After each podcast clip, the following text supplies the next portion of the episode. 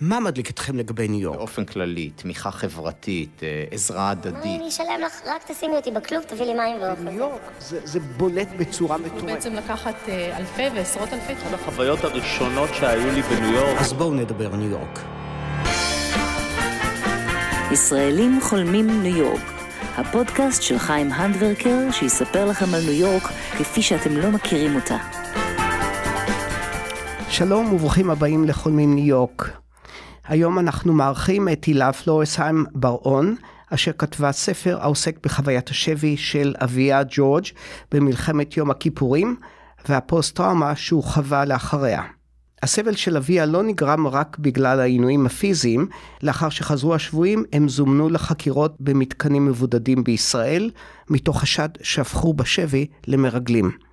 הילה חיה היום בארצות הברית, באזור וושינגטון די.סי, והיא ממשיכה את המאבק שלה להגברת המודעות לסבלם של השבויים מכאן, מארצות הברית.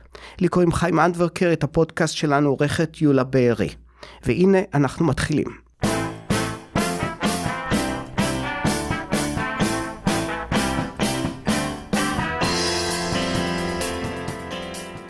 שלום הילה. היי חיים, נעים מאוד. ביום הזיכרון האחרון התקיים אירוע שאורגן על ידי ה-IAC, ארגון הישראלים בארצות הברית, ובו השתתפו ילדי שבויים שנושאים את הטראומה של אבותיהם. את היית הדוברת המרכזית. אביך ג'ורג' נפל בשבי במלחמת יום הכיפורים, ואת לקחת על עצמך להביא את סיפור הסבל של השבויים לתודעת הציבור בישראל, אבל גם בארצות הברית, שכאן את מתגוררת. לא היה קל להקשיב. את רחוקה מישראל וממשיכה במאבק שלך. הילה, יש לי הרגשה שאת נושאת איתך את הפוסט-טראומה של אביך. אמ, הייתי אומרת שהפוסט-טראומה שלו זלגה אליי, כמובן בלי שאף אחד אה, חשב שזה מה שיקרה. לא הייתי אומרת שיש לי פוסט-טראומה, כי אני חושבת שזה קצת זילות לקחת את זה ממנו. אני לא הייתי שם, לא הייתי בתופת הזו, לא במלחמה ולא בשבי ולא בתקופה לאחר מכן, אבל כן חייתי בצל מלחמה לא שלי. ובעצם לאט לאט פיתחתי עם השנים, ממש מגיל מאוד מאוד צעיר, פיתחתי תחושה אה, שהייעוד שלי הוא בעצם אה, לפצות אותו, לפצות אותו על כל, ה, כל מה ששם היה, אה, ולמלא בעצם את מה שחיסרה המלחמה. וכשאני אומרת לא במודעות, אז זה באמת רק בסביבות אה, בואכה גיל 40, שמתי לב שמה שמבחינתי היה כל כך ברור מאליו, הוא לאו דווקא ברור מאליו. ואז התחלתי, התחלתי לחקור את העניין, לנסות אה, קודם כל להבין את עצמי, ודרך עצמי להבין את התופעה הזאת שנקראת זליגת הפוסט-טראומה לדור השני. ומה זה אומר ואיך זה בא לידי ביטוי אה, אצל כל אחד בצורה אחרת. זה מזכיר לי אולי קצת את uh, מה שקרה לילדים של ניצולי השואה, הדור השני, אולי אפילו, אפילו הדור השלישי. נכון, נכון מאוד. יש הרבה קווים מאוד uh, דומים, בייחוד בתחושת האחריות. למשל, uh, הדור של ניצולי השואה, רבים מהם גם לא ידעו את השפה העברית כמו שצריך, והילדים שלהם כן, ונוצר מין היפוך תפקידים. הילד הצבר שנולד כבר בארץ ודובר את השפה כמו שצריך, הוא שם כדי לגשר, הוא שם כדי בעצם להנחות, להוביל את ההורה. אמ, וגם במקרה הזה של מלחמות ישראל, ולאחר מכן הילדים של, פתאום אתה מבין, אה, אני זוכרת למשל בצורה מאוד אה, מדויקת, מתי, אה, מתי בעצם התעוררה אצלי ההבנה שאבא שלי הוא אחר.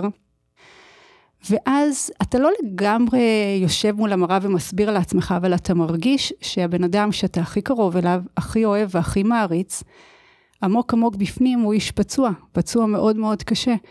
והילדה שמאוד אוהבת, שמאוד מעריצה, רוצה שהאיש הזה לא יסבול יותר, ורוצה בעצם אה, לפלס עבורו את הדרך בצורה הכי הכי נעימה. ואז אני מוצאת את עצמי בהמון מקומות אה, באמת אה, מגשרת, או אפילו אה, למדתי מגיל מאוד צעיר מה משמעותה של הסמנטיקה, איך כל דבר אתה יכול לספר בצורה שאו יגרום לטלטלה, או ייתפס בצורה נעימה יותר. ואיך לאט לאט, באמת ככל שהייתי יכולה, לקחת את ידו ולהוביל אותו בדרכים ש... הוא לעולם לא ציפה לזה, כמובן, הוא לעולם גם לא ביקש, זה היה יותר תחושה שלי והבנה שלי עם החיים, וככה גדלתי, ככה גדלתי בלי שלרגע אני לא אחשוב שזה משהו כאן לא נכון או משהו שגוי. זה באמת הצורך, ההתחלה מאוד ילדותי, של לנסות בעצם להציל את האבא הגיבור שלך. ואחר כך לאט לאט זה נהפך להיות כבר אה, דרך, אה, אתה יודע, דרך חיים, פרקטיקה, כן. את קראת לספר שלך, זר לא יבין, אה, עד כדי כך? נכון, אני חושבת שיש דברים שלעולם לא נבין. גם אני שהשקעתי אה, בערך שבע שנים במחקר התופעה של זליגת הפוסט-טראומה וההבנה ממש ברמה היומיומית של ה... יותר מיומיומית, ממש דקה לדקה, מה קרה במלחמה הזו, ומה קרה אחר כך בשבי, ומה קרה עם שובה מהשבי, ומה קורה לאבא שלי כיום, שנים אחרי השבי. עדיין אני מרגישה שאני יודעת אולי 10% ממה שבאמת היה שם. ואני חושבת שיש דברים שאתה לא חי אותם ולא חווה אותם, אתה לעולם לא תדע. והספר הזה, שדרך אגב, הקושי העיקרי שהיה בכתיבה שלו, זה איך מצד אחד אני שומרת על התיעוד הדוקומנטרי, אבל מצד שני עדיין הופכת אותו לפרוזה, ולא רק לבעצם אה, חומר עיון. האיזון הזה הוא היה לי מאוד מאוד חשוב. אני האמנתי שרק אם הוא יהיה פרוזה, אם הוא יהיה רומן, אנשים יצליחו לצלול לתוכו, ותוך כדי השחייה בו, בעצם אה, לחוש ולהבין את כל הדברים שהם תיעודיים ואמיתיים, אבל באמת תוך, תוך החוויה, ולא כמו לקרוא בעצם אה, מסמך אה, דוקומנטרי עיוני. איך אביך קיבל את ההחלטה שלך לכתוב את הספר? אז הוא ידע שאני בתהליך, כי זה לקח הרבה שנים, וגם uh, המון דברים הייתי צריכה לשאול אותו. זאת אומרת, uh, כשכבר באמת uh, נצטברו אצלי הרבה חומרים, היו גם הרבה חורים בין לבין, שהייתי צריכה פשוט לראיין אותו ולשאול אותו ולהבין יותר. Uh, ומצאתי מעין דרך כזו שהייתי שולחת לו מיילים, uh, אנחנו מאוד מאוד קרובים, אבל היו, היו רגעים והיו שאלות שהיה לי יותר מורכב לשאול אותו uh, ולהביט לו בעיניים. אמ, ואז הייתי שולחת לו מיילים, והוא היה עונה לי חזרה, וככה הייתי אה, מגשרת על הפערים. וכשהספר היה מוכן, אה, לפני שהוא ירד לדפוס, אה, שלחתי לו, שלחתי לו את הטיוטה ממש האחרונה, כי אמרתי, בלי האור הירוק שלו, אני לא, לא יוצאת להרפתקה הזאתי. והוא נדם שבועיים, ושבועיים הוא לא, דיברנו כל יום, עלה ועלדה, אבל על הספר כלום, מילה. ועד שבסוף אמרתי לו, תקשיב, אם, אם זה קשה ואם זה לא מתאים, אני את התהליך שלי עשיתי. זאת אומרת, זה יכול גם להישאר במגירה, שום דבר לא יקרה. כן. ואז הוא אמר לי, לא, בשום פנים ואופן, את כאן בשליחות ואת צריכה לעשות את זה, ואני מאחורייך. ובעצם כשהוא נתן לי את ברכת הדרך, אז גם אמרתי להוצאה לאור, אנחנו יכולים uh, להמשיך. הוא הוסיף דברים? אחרי הטיוטה האחרונה? כן. לא. אבל בתהליך uh, היו הרבה חומרים באמת ש... שהוא שלח לי, שהוא סיפר שכן. ואחרי שהוא קרא את הספר, את יודעת מה עבר עליו? אני יודעת שזה לא היה פשוט, אני יודעת שזה היה עבורו מאוד מאוד מטלטל, אבל אני יודעת שגם אה, יש בו תחושת אה, הודיה מאוד מאוד גדולה, וגם uh, תחושת גאווה על זה שבעצם התגברתי על, על... תראה, יש חשש מאוד קשה בלחשוף את עצמך בצורה כזו, אבל כל הזמן אמרתי לעצמי, זה המינימום שאני יכולה לעשות, ומה הפחדים שלי לעומת כל מה שהחבר'ה האלו עברו שם. ובאמת, שימי את עצמך בצד רגע ותקחי את עצמך רק באמת כצינור, ותעשי מה שאת צריכה לעשות. תראה, הנושא הזה של השבי של אה, אבא, הוא נושא מאוד כבד, מאוד קודר. למה בעצם את עושה את זה? אני עושה את זה כי זה חשוב. אני עושה את זה כי יש אה, דור שלם שלא מכיר את המלחמה הזו, ולא מכיר את, ה, את פרשת השבויים. זאת הייתה המלחמה בה"א הידיעה שכמות השבויים שהיו לישראל הם עצומים, הם אדירים, לאחריה לא היה מספר כזה. והחבר'ה האלו חזרו הביתה, הם חזרו למדינה שהם כבר לא הכירו. הם היו שם 40-50 יום, כל אחד, לפי מה, ש... לפי מה שהוא קיבל. והם חזרו בעצם כחולי שכחה למקום שהם לא הכירו, הם לא ידעו כמה המלחמה הזאת טלטלה את המדינה. והדור של היום לא יודע כמה המלחמה הזאת טלטלה את, את המדינה, איך המדינה הייתה לפני כן ומה קרה לה לאחר מכן, ובעצם פרשת השבויים, אה, שהיא פרשה מאוד כואבת, היא אפילו לא פרשה, היא תקופה, שהמדינה, זה היה קראי בפני המדינה בעצם על כל מה שהיה יכול להיות אחרת, אבל לא היה אחרת. ואני חושבת, לצערי הרב מאוד והכואב מאוד, שאנחנו מדינה שיודעת לטפל בפצועים פיזית, אנחנו מאוד מתקדמים בזה. אנחנו גם אה, יודעים אה, לקבור אה, חללים ולהפוך אותם לגיבורים לאחר המוות, אבל השבויים הם פה.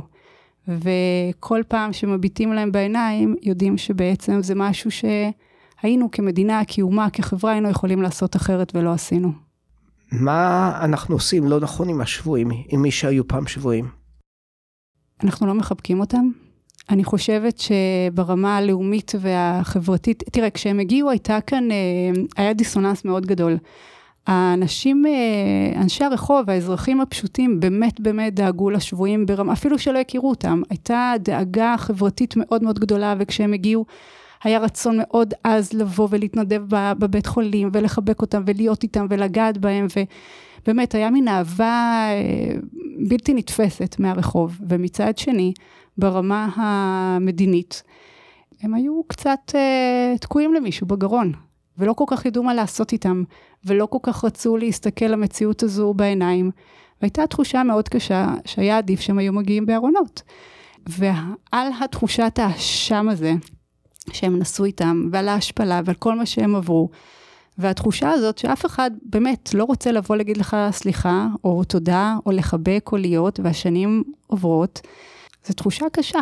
אני חושבת שאם היום, באמת, אתה יודע, אפילו לא צריכים, זה, זה לא תקציבים, זה לא, זה רק לבוא ולהגיד, חבר'ה, באמת, אתם חלק ממגש הכסף של המדינה הזאת.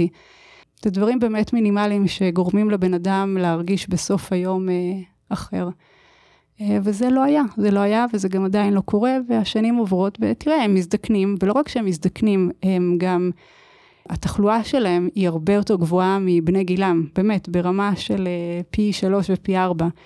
ולפעמים יש תחושה מאוד עצובה שכאילו מישהו מחכה שכבר, אתה יודע, הם ילכו ואיתם גם ילכו הסיפורים, ו... ושקט יבוא על, ה... על המדינה, אבל, אה, אבל לא, אני חושבת ש... שמישהו צריך לזעוק את זעקתם. ואני חושבת שזו האחריות שלנו, של הדור השני לעשות את זה. וכאשר הם הגיעו חזרה לישראל, לקחו אותם לחקירות. אז את הרבה מהם לקחו לחקירות. אה, אבא שלי הגיע במצב מאוד מאוד קשה, והוא היה צריך לעבור המון ניתוחים, אה, בעיניים בעיקר, בעין, ובתל השומר לא אישרו למשרד הביטחון לקחת אותו למתקן בזיכרון.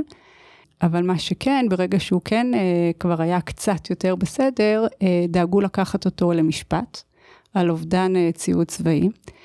וזה משהו שכיום, אה, גם אז, זה בלתי נתפס, אתה לא יודע אם לצחוק או לבכות. אז אה, כן, אז הוא הודה שבאמת אה, המצרים לקחו אותו בשבי, ולא נותר אלא להשאיר מאחור או לתת להם את מה שהם דרשו. ואתה יודע, בשלב מסוים גם, גם הצד של הצבא הבינו באמת כמה אבסורד כל הסיטואציה הזאת, אז הוא באמת אה, הודה שהוא אשם, אבל הם אה, נתנו לו חנינה. זה יפה מצידם. מאוד יפה. הילה, הייתי רוצה לשמוע את הסיפור של אבא שלך, אני אשתדל לא להפריע יותר מדי. אולי תספרי עליו, אני מבין שהוא נולד מחוץ לישראל, אז תספרי לנו על האבא שלך לפני השבי. כן. אבא שלי נולד בצ'ילה, אני תמיד אומרת שזה ככה מאוד נסיבתי, כי.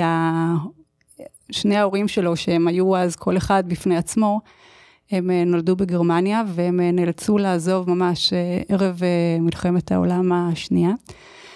והם היו באוניות נפרדות בים, ואף מדינה לא הסכימה לקבל את היהודים שברחו מגרמניה, ורק צ'ילה בעצם פתחה את שעריה. הם היו שניהם מהמעמד המאוד גבוה, מאוד אריסטוקרטי של גרמניה, ומצאו אותם, את עצמם כפליטים בצ'ילה. באמת בכפרים שהם היו היהודים היחידים בהם, עוני מאוד מאוד קשה, ללמוד שפה שאתה לא מבין, קודים שאתה לא מבין, ולתוך באמת אה, משפחה בטראומה הוא נולד, אה, משפחה לא מתפקדת. והוא היה צריך די לגדל את עצמו לבד, ברמה של ילד בן חמש, הולך לרופא, כי הוא שמע שהוא צריך ללכת בגיל כזה כבר לרופא. ומאוד רחוק מהיהדות שלו. זו הייתה מין, מין החלטה כזו של אה, כאב הדורות לא יעבור גם אליו, אז עדיף שהוא לא ידע שהוא יהודי, אבל אה, בוא נאמר, היקום דאג שהוא ידע שהוא יהודי, באמת זה ככה סתם אנקדוטה קטנה, לאימא שלו הייתה חנות אה, קטנה לדברי ילדים, וליד היה איש מוסלמי שגם היה לו חנות, ובאמת ביום כיפור אחד הוא פנה לאבא שלי ואמר לו, למה אתם לא בבית כנסת היום? ואבא שלי לא ידע בכלל מה זה בית כנסת ולמה צריך להיות, ודווקא דרך האיש המוסלמי הזה, אחרי זה הוא הגיע הביתה ושאל את אימא שלו שאלות, מה זה יהודי, ובאמת באותו ערב היא סיפרה לו את uh, כל סיפור היהודית. אמא היא הייתה אישה מאוד מאוד משכילה, גם סבתא שלו, והוא באמת ככה לאט לאט uh, נכנס יותר ל... לסיפור היהודי והרגיש באמת שהוא פתאום מצא על עצמו בית וזהות. ואחר כך הוא מתגלגל אה, לבית ספר יהודי, אחרי שהוא סובל אה, בהרבה מתקפות אנטישמיות אה, בבית ספר הציבורי, מכות וקללות, ו... ואז מעבירים אותו בעצם לבית ספר יהודי, ושם הוא גם מגיע לתנועת הנוער, לשומר הצעיר, והוא מוצא, ממש מוצא את הבית. בשלב מסוים מוציאים אותו למכון למדריכים בארץ, והוא פשוט מתאהב במדינה הזאתי. הוא מתאהב בחופשיות, בריח של האדמה, בכלל בחלום הציוני. והוא חוזר והוא מחליט שהוא uh, מארגן יחד עם החברים שלו גרעין עלייה ארצה, uh, כדי באמת, מתוך אידיאולוגיה מאוד מאוד עמוקה, להיות uh, חלק מהמדינה הזו ש, שבדרך.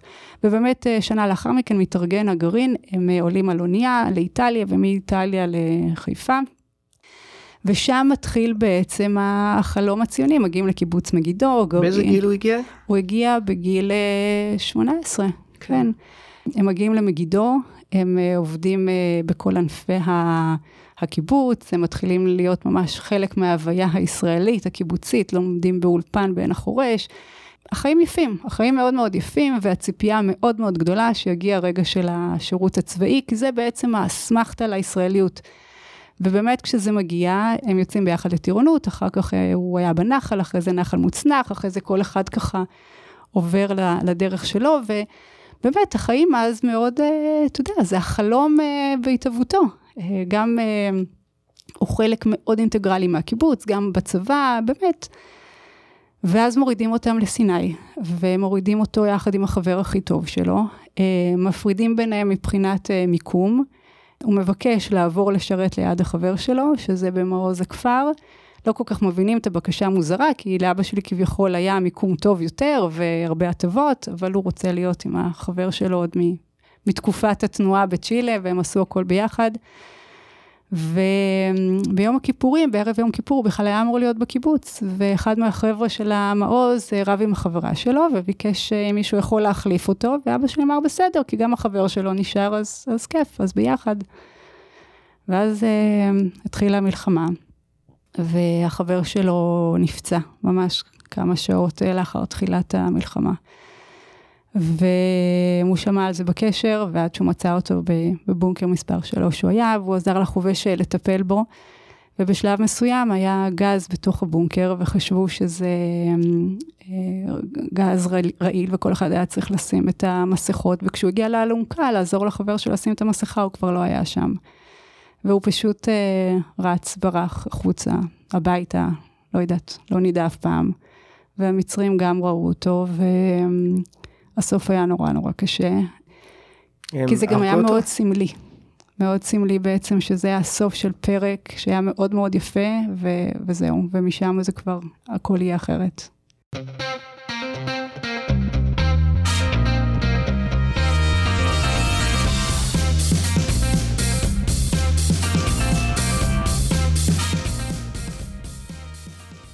מה את יכולה לספר לי לגבי השבי? איך הוא נפל בשבי, באיזה נסיבות?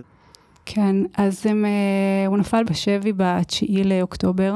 הם היו באמת אה, בלוחמה בלתי נפסקת מה-6 לאוקטובר בצהריים. היו רגעים בהם הם היו עושים תורנויות בזמן הפוגה, חלק היו בתוך הבונקר וחלק היו אה, בחוץ וככה מתחלפים. בשלב מסוים הם נשארו רק חמישה חבר'ה בתוך הבונקר והמצרים כבר התקרבו. והתחילו לזרוק רימונים אה, פנימה, והכל היה עשן, והם באמת אה, השמידו את, ה, את כל מה שהיה אפשר להשמיד, ונשבעו אחד אל השני, שמי שיוצא מכל התופת הזה יספר לאחרים אה, מה כאן קרה. והם עורמים את המיטות שדה וכל דבר אפשרי כדי באמת לחסום את, ה, את הרימונים. ובשלב מסוים בחור בלגי שהיה איתם בפנים התחיל לצעוק בצרפתית, למקרה שאולי מישהו בחוץ מדבר צרפתית, ובאמת היה חייל מצרי אחד שדיבר צרפתית, והם מתחילים ככה במין משא ומתן שבעצם מאפשר לחמשת החבר'ה ממעוז הכפר לצאת החוצה בלי שיראו בהם.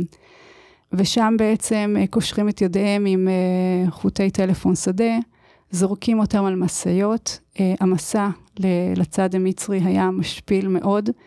סקלו אותם באבנים, בעטו בהם, דרכו עליהם, ירקו עליהם. זאת אומרת, ההמון הכפרי, המצרי, שבפניו הובאו בעצם השבויים הציונים, השנואים, והיה אפשר לעשות בהם הכל. זאת אומרת, לא היה שם בשטח שום קצין, שום איש בדרגה בכירה שהיה יכול בעצם אה, להגן על זכויותיהם. וככה זה ה-Welcoming לאדמת מצרים. ו... והשבי עצמו זה, זה, זה קשה מנשוא, אה, גם החקירות, גם האיומים, שזה בעצם כל דבר שעולה בדמיון הכי סדיסטי שאפשר.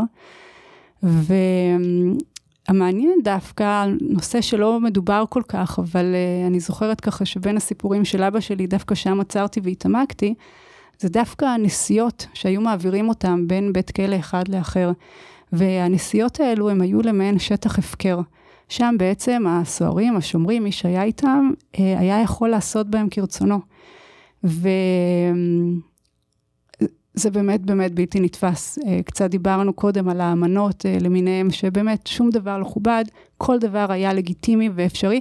ודרך אגב, לא תמיד זה היה רק כדי לקבל מידע על ישראל, הרבה פעמים זה היה פשוט כי היה אפשר. סדיזם. כן, כן, מאוד מאוד עצוב.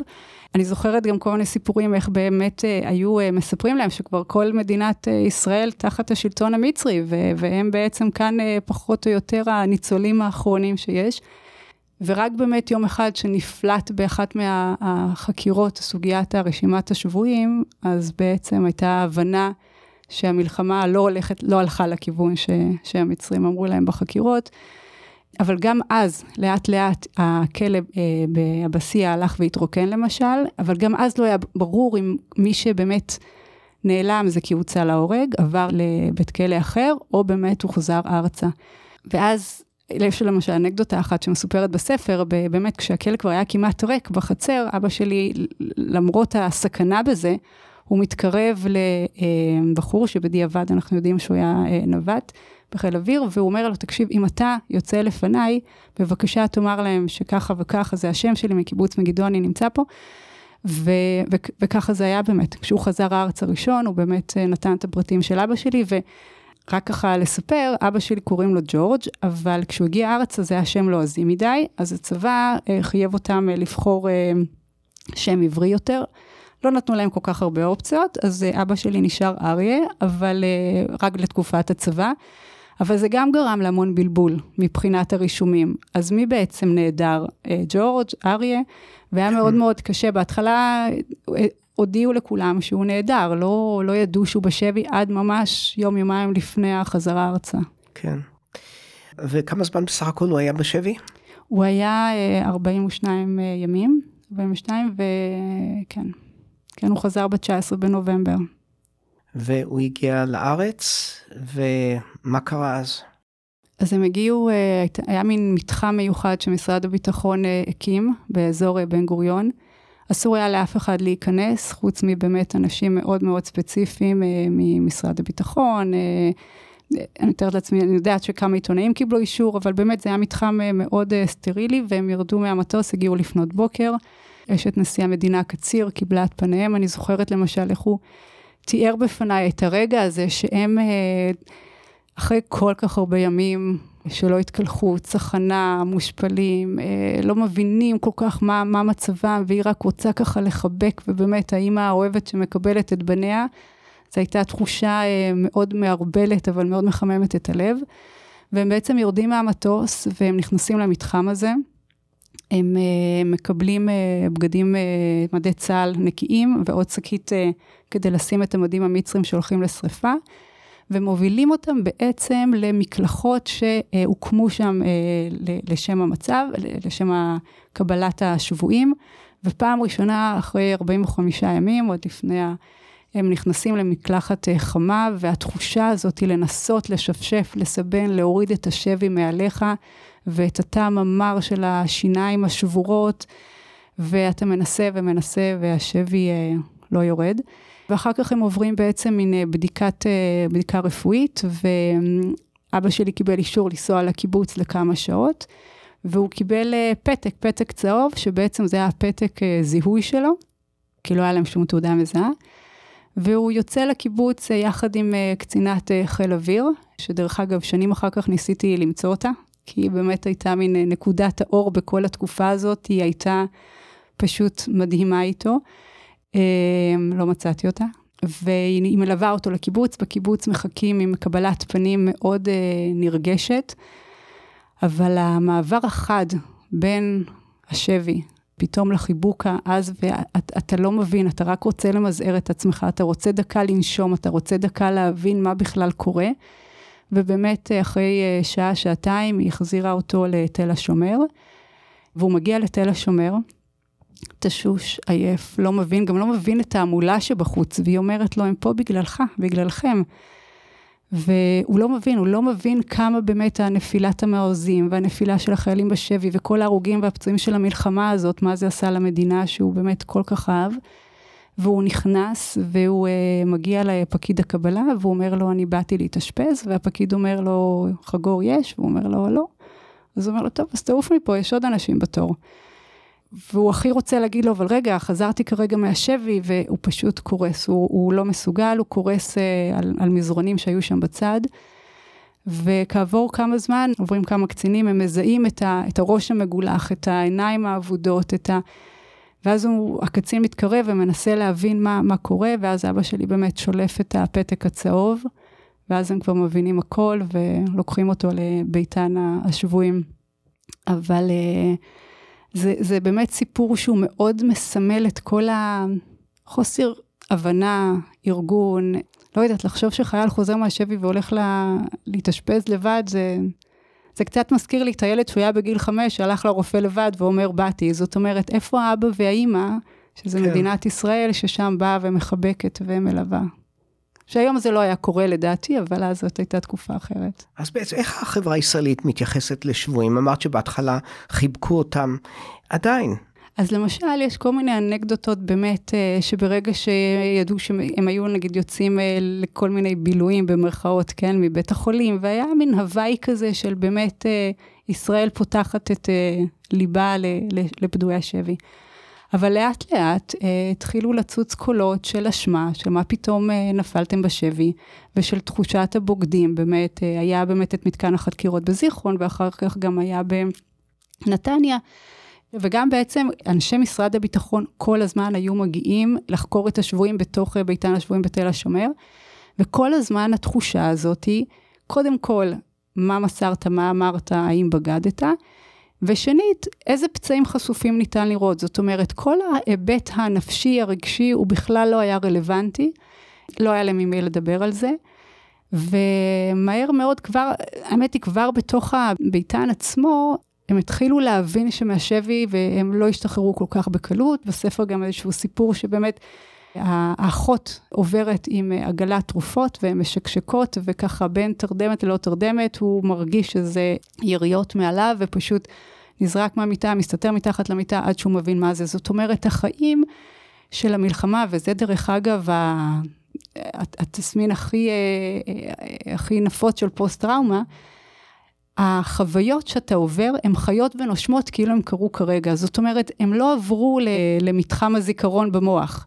ולכן כל דבר הוא uh, מאוד נפיץ, כל דבר אתה מריח את הגופות השרופות, אתה רואה את הדברים, אתה מרגיש את הפחד, אתה מרגיש את הכאב, אתה פשוט שם כל הזמן, ואף אחד לא נתן את הדעת על זה במשך המון המון שנים. Uh, אז נכון, טיפלו בו מאוד מאוד יפה בעין, ונכון, עבר המון המון ניתוחים. אבל כל מה שהם סחבו וסוחבים איתם מבפנים, הם היו צריכים, הוא, אני זוכרת, הוא ממש, כשהוא שוחרר מבית החולים והגיע לקיבוץ, הוא החליט עם עצמו שהוא פשוט סוגר את הדובים האלו באיזשהו חדר, כדי שהם לא יפריעו, לא, אתה יודע, לאחוז את החיים מחדש, להתחיל את החיים שלו. והוא הצליח?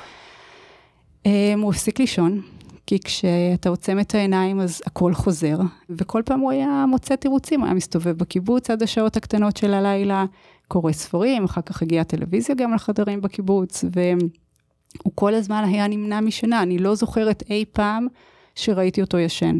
כן קורס לפעמים, כן מנמנם, אף פעם לא, לא ממש ישן. וזה גם, לדעתי, מסביר הרבה את התחלואה הגדולה שלהם, כי אין מה לעשות, בלי שינה הגוף לאט לאט קורס ולא מצליח לתפקד, אז אנחנו כבר אוטוטו בואכה 50 שנה למלחמה הזאתי, וזה משהו שהם אה, כל הזמן נאבקים בו, כל הזמן.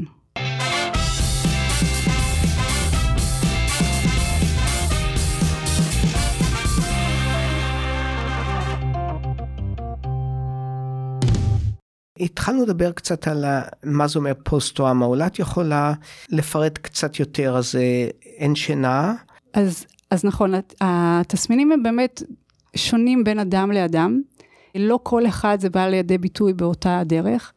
החוסר שינה זה באמת אחד מהמאפיינים, לכן גם הארגון שהקימו בדואי שבי נקרא ערים בלילה. אבל זה הרגישות הקיצונית אה, לגירויים, החוסר יכולת להיות במקומות סגורים, התחושה הזאת של באמת הכל נורא נפיץ, הכל נורא רגיש, תחושת אה, חרדה תמידית, כל הזמן, הסכנה איפשהו עומדת מאחורי השיחים.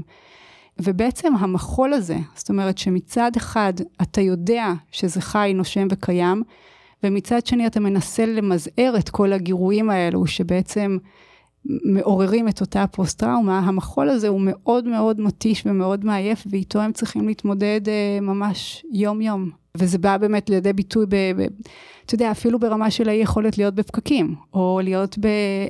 אתה כל הזמן צריך למצוא את הדרך מוצא. אתה כל הזמן צריך למשל קולנוע, ללכת עם אבא שלי לקולנוע זה בלתי אפשרי. וגם לא לתיאטרון, שהוא מאוד אוהב, אבל זה מקום חשוך וסגור.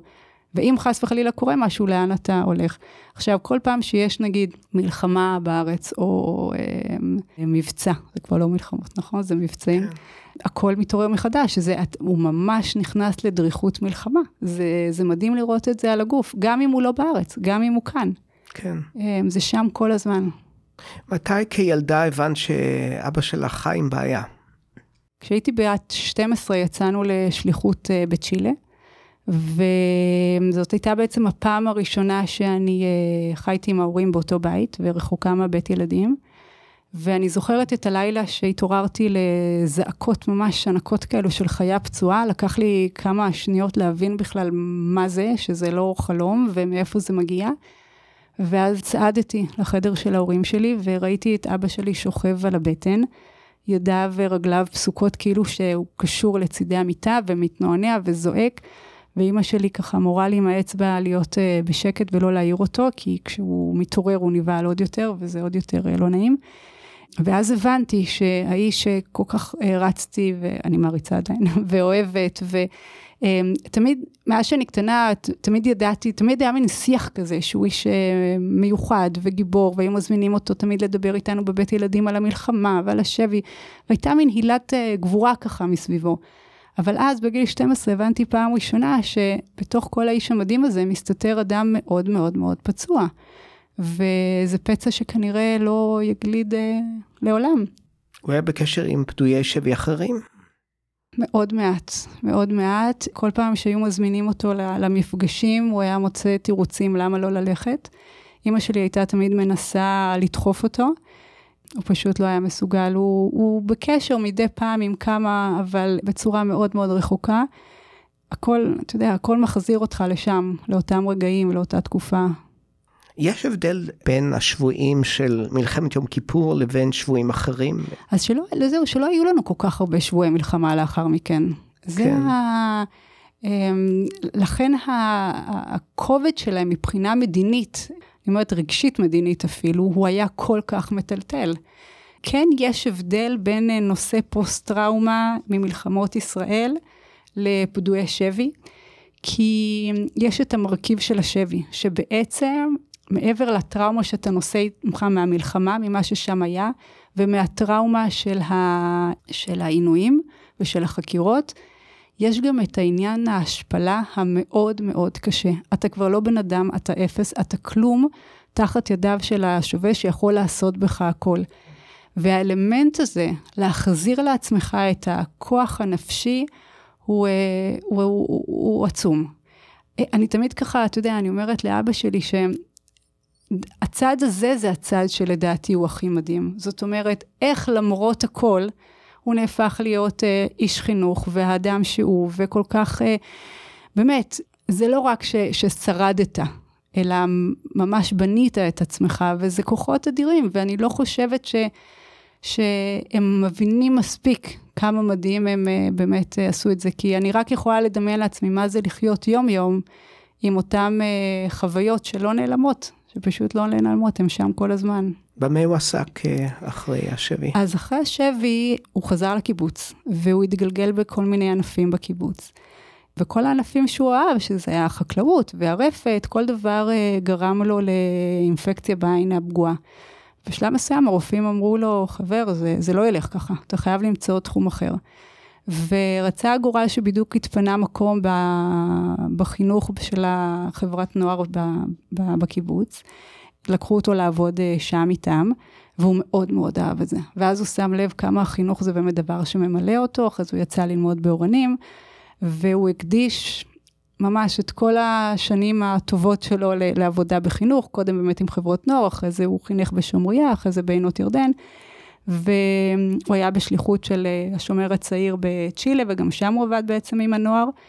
וזהו, אחר כך בשלב מסוים, אה, בשנות ה-90, הוא קיבל אה, הצעה לעבוד במשרד האוצר, בארגון הבונס, וככה הם חזרו אחרי זה עוד פעם לדרום אמריקה לכמה שנים טובות. אבל אין ספק שהחינוך זה ה... מה שממלא אותו, זה, זה ההוויה שלו, זה מי שהוא, כן.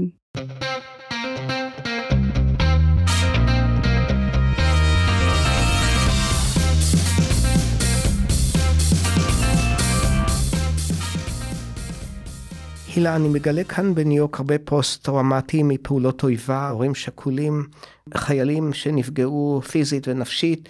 ראיינו כאן אה, בפודקאסט את עומר גולן שנפצע בפיגוע טרור וחי כאן כדי להתרחק מהטראומה. האם זו אחת הסיבות שאת גם נמצאת כאן? כן. תראה, מאוד קשה להיות במקום שאתה רואה כמה, מצד אחד, כמה קשה לאבא שלי למשל להיות שם. אני רואה את זה וזה משפיע עליי מאוד.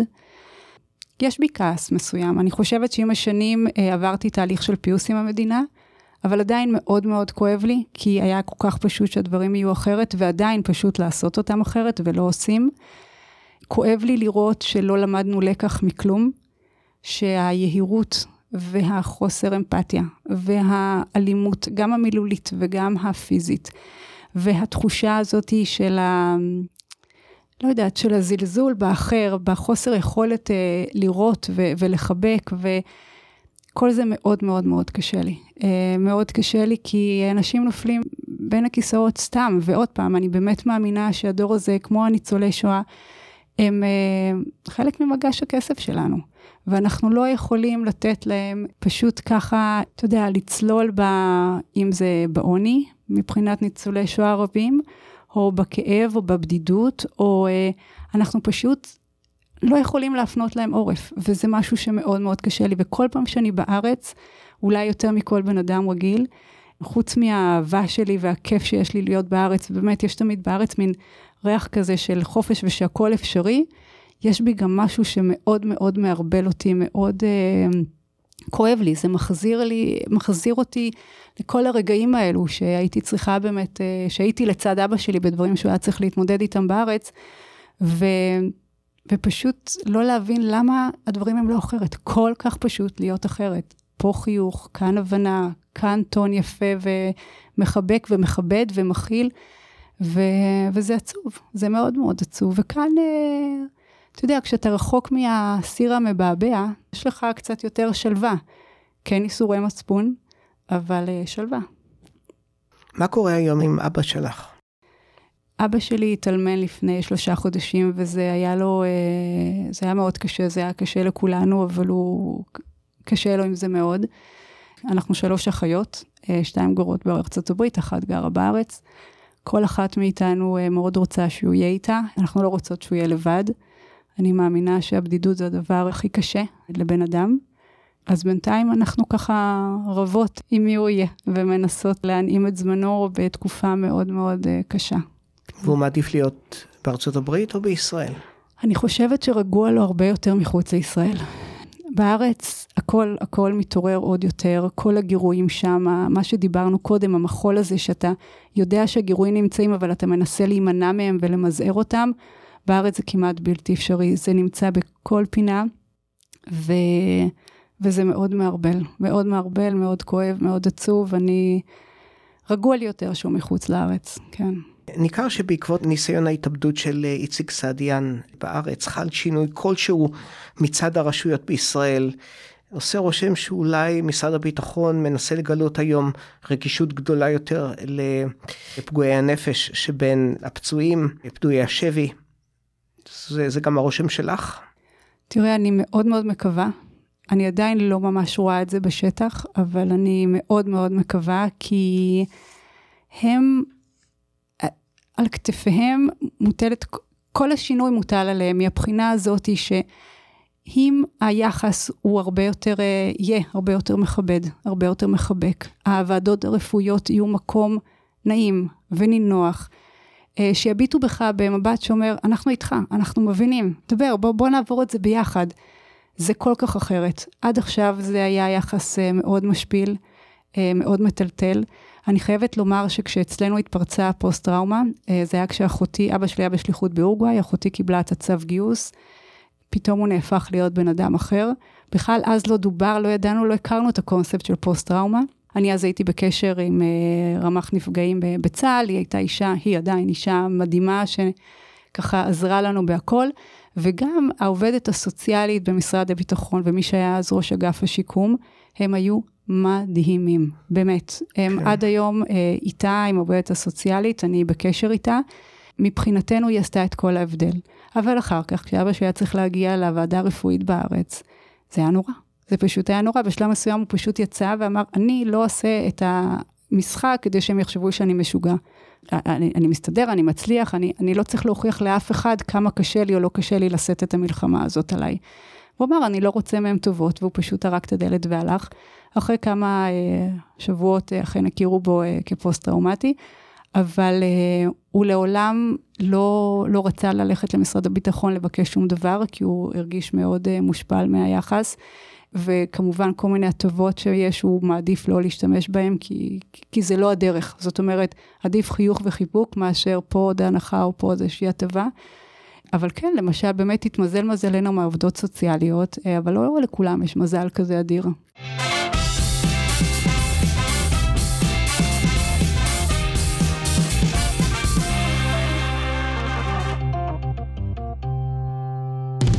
הילה, בואי נעבור לשלבים הקלים יותר של הראיון הזה. okay. אוקיי. איך את התגלגלת לכאן? אז האמת היא, אני נשואה לבחור אמריקאי מפילדלפיה, אנחנו הכרנו בצ'ילה, עברנו ארצה ביחד לגדל את ילדינו שם, אבל הוא עדיין היה עובד בדרום אמריקה, הוא עדיין עובד שם אפילו, והנסיעות היו מאוד מאוד קשות. ואז אמרנו, טוב, בואו נתקרב קצת. ואז uh, הסתכלנו ככה על המפה, הכי קרוב, בארצות הברית, דרום אמריקה, פלורידה. אבל אה, פלורידה לא הייתה בשבילנו, וגם לא בשביל הילדים שלנו, וככה ממש כבר כמעט עשינו אחורה פני ארצה. וחברה יקרה אמרה לי, תקשיבי לה, את צריכה קהילה וקהילה איכותית, אז אטלנטה, DC או בוסטון. ובוסטון אה, היה נשמע לי מאוד קר. עדיין הקור של ארצות הברית של האזור שלנו הכי קשה לי מכל החוויה. אטלנטה היו מורכבויות אחרות בגלל אה, מרחקים, בתי ספר כזה, והגענו באמת אה, ל-DC, לאזור DC, לעיירה שנקראת רוקוויל, רק לסוף שבוע, ככה לראות מה, איך אנחנו מרגישים, והאמת היא שהתאהבנו במקום. תחושה שהגענו מן לארץ ישראל היפה, מלא מלא ישראלים, אה, רובם באמת אה, בכל מיני, או עבודות הייטק, או במחקר ב-NIH, או אנשים שפשוט רצו אה, מקום אחר. והיה לנו שם נורא נעים, ואמרנו, יאללה, בוא ניתן איזה צ'אנס, ואנחנו כבר שש שנים שם. אז את חיה בקיבוץ ישראלי, מאוד. ליד כן, וושינגטון. ממש, ממש, כן. אז מה, אז היתרונות, אני שומע אותם, יש גם חסרונות? וואו, התקלת אותי עכשיו. טוב מאוד, היא, אני עושה את העבודה שלי כמו שצריך. כן. לא, האמת היא שמאוד מאוד אה, מאוד נעים. תראה, וושינגטון היא בכלל מדהימה, אתה מרגיש שאתה נמצא במקום שמשם הכל מתחיל והכל קורה, ומישהי שמכורה לאקטואליה כמוני, אני, אתה יודע, הבית שאני גרה בו, גר בו קודם אה, וולף בליצר, אז אתה מרגיש את ה... את ההוואי, והישראליות שם היא מאוד מאוד כיפית, היא מאוד נעימה. אבל אני לא הולך להקל עלייך, אני אוקיי. יודע מתוך ההתנסות שלי עם ניו ג'רזי, שכן, גם את הדברים האלה אני שומע, יש שם אנשים מאוד נחמדים וכיפיים. אני הגדרתי את זה פעם מלח הארץ שעובר לניו ג'רזי לפעמים, אבל בכל אופן זה, זה קטן, וכולם מרכלים על כולם, וכולם יודעים הכל על כולם, ו... אה, זה מאוד קיבוץ, מאוד קיבוץ. מאוד קיבוץ. אז, כל- אז אני קיבוצניקית. כן. אמ, אז את רגילה לזה. כן, אבל זה נכון שיש רגעים שבא לך להיות אנונימי, שאתה כבר לא רוצה ש... ש... ש... תראה, כל מקום שאתה הולך ברוקוויל, אתה פוגש מישהו שאתה מכיר. באמת, אתה, אנונימיות אין. ואני מעורבת בקהילה, אבל כן, יש רגעים שאתה רוצה לתת כמה צעדים אחורה, להיכנס לתוך הבועה שלך ו... ולהיעלם. זו תחושה, דרך אגב, שגם קורית בקיבוץ, באמת. אז, אז כן, אז אתה פשוט קצת, מה שנקרא, ממניח את הווליום ו- ומנתק קצת את עצמך. אבל כן, זה באמת אולי החיסרון בלהיות יישוב כל כך קטן אה, עם כל כך הרבה ישראלים לגמרי, אני מסכימה איתך. אגב, אם את רוצה פרטיות, את בהחלט מוזמנת לבוא לניו יורק מדי פעם ככה זה- להתרענן, לקבל מנה של פרטיות ולחזור. כן, זה כיף, כיף כאן האנונימיות הזאת, הליצוד ולהיות בעצם מין אה, אחד קטן בורג בכל ההמון הזה שצועד שם ברחוב. אגב, הבעל האמריקאי שלך, אתם חייתם בישראל, כמה זמן? שלוש שנים. ואיך זה הסתדר לו? אז הבעל שלי הוא ה... הישראלי הכי אמריקאי שלא דובר עברית. אה, כל אחד שמכיר זה אותו... מסובך, כן. מאוד. כל אחד שמכיר אותו לא מצליח להבין איך הוא לא מדבר עברית, וכל אחד אומר לו, וואי, אתה כל כך ישראלי. אבל כן, בארץ הוא הרגיש אה, מאוד תלוש. אני מאוד מאמינה ששפה זה לא רק המילים, זה גם קודים חברתיים, וזה גם אה, ניואנסים, וזה גם חוויות משותפות. אז הוא הרגיש שם מאוד תלוש, א', בגלל שהוא לא דובר את השפה, אבל גם מעבר. הישראליות היא מאוד מוגדרת אה, דרך ה- באמת החוויה הצבאית, ואחר כך כל מיני דברים של ביחד, של החבר'ה, וכשאתה מגיע מבחוץ, אז אתה אאוטסיידר. ולמרות שכולם מדברים אנגלית, אז לא ממש מהר אה, פותחים את אה, זרועותיהם ומחבקים אותך עליהם. אה, אפילו ברמה של המורים בבית ספר, בפגישות, גם האנגלית שלהם הייתה מאוד בסיסית, אבל גם כאלו שלא הייתה אנגלית בסיסית, גם לא עשו מאמץ מעבר כדי לדבר ולשתף אותך. זאת אומרת, הדרך היא מאוד מוגדרת. אתה לא מדבר עברית, אתה לא מדבר את הקודים שלנו, אתה לא חלק מההוויה הישראלית, אז אתה, אתה פשוט לא. והתלישות הזאת גרמה לו ממש להרגיש שהוא חצי ממנו, שהוא מאבד המון מעצמו שלו. וזה גרם למשקעים מאוד מאוד כבדים, וזו הייתה בעצם גם אחת ההחלטות של, של לעבור.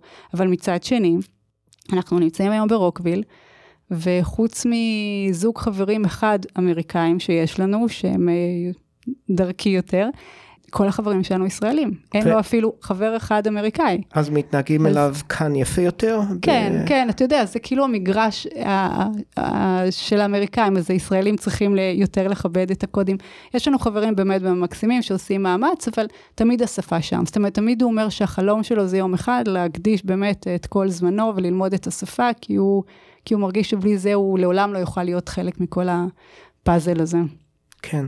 אה, אם אני יכול לתת עצה קטנה, אם הוא רוצה ללמוד עברית, שילך למידלברג קולג', זה בית ספר לשפות בצפון, בצפון מזרח ארה"ב, שם תוך כדי הקיץ יש קורסים. כן, שאולי אני חושב זה- שזה בית הספר הטוב ביותר לגמרי, לשפות. כן. הבעיה שם, מתחייבים לדבר את השפה שבוחרים בה ללמוד אותה, זה יכול להיות עברית, זה יכול להיות רוסית, גרמנית, מה שאת רוצה, אבל מתחייבים, וזה קשה מאוד. כן. קשה מאוד, אבל יוצאים עם שפה בסוף. כן, כן, זו, זו בהחלט התוכנית, כבר כמה חברים שעברו את זה המליצו לנו, ויום אחד, הלוואי.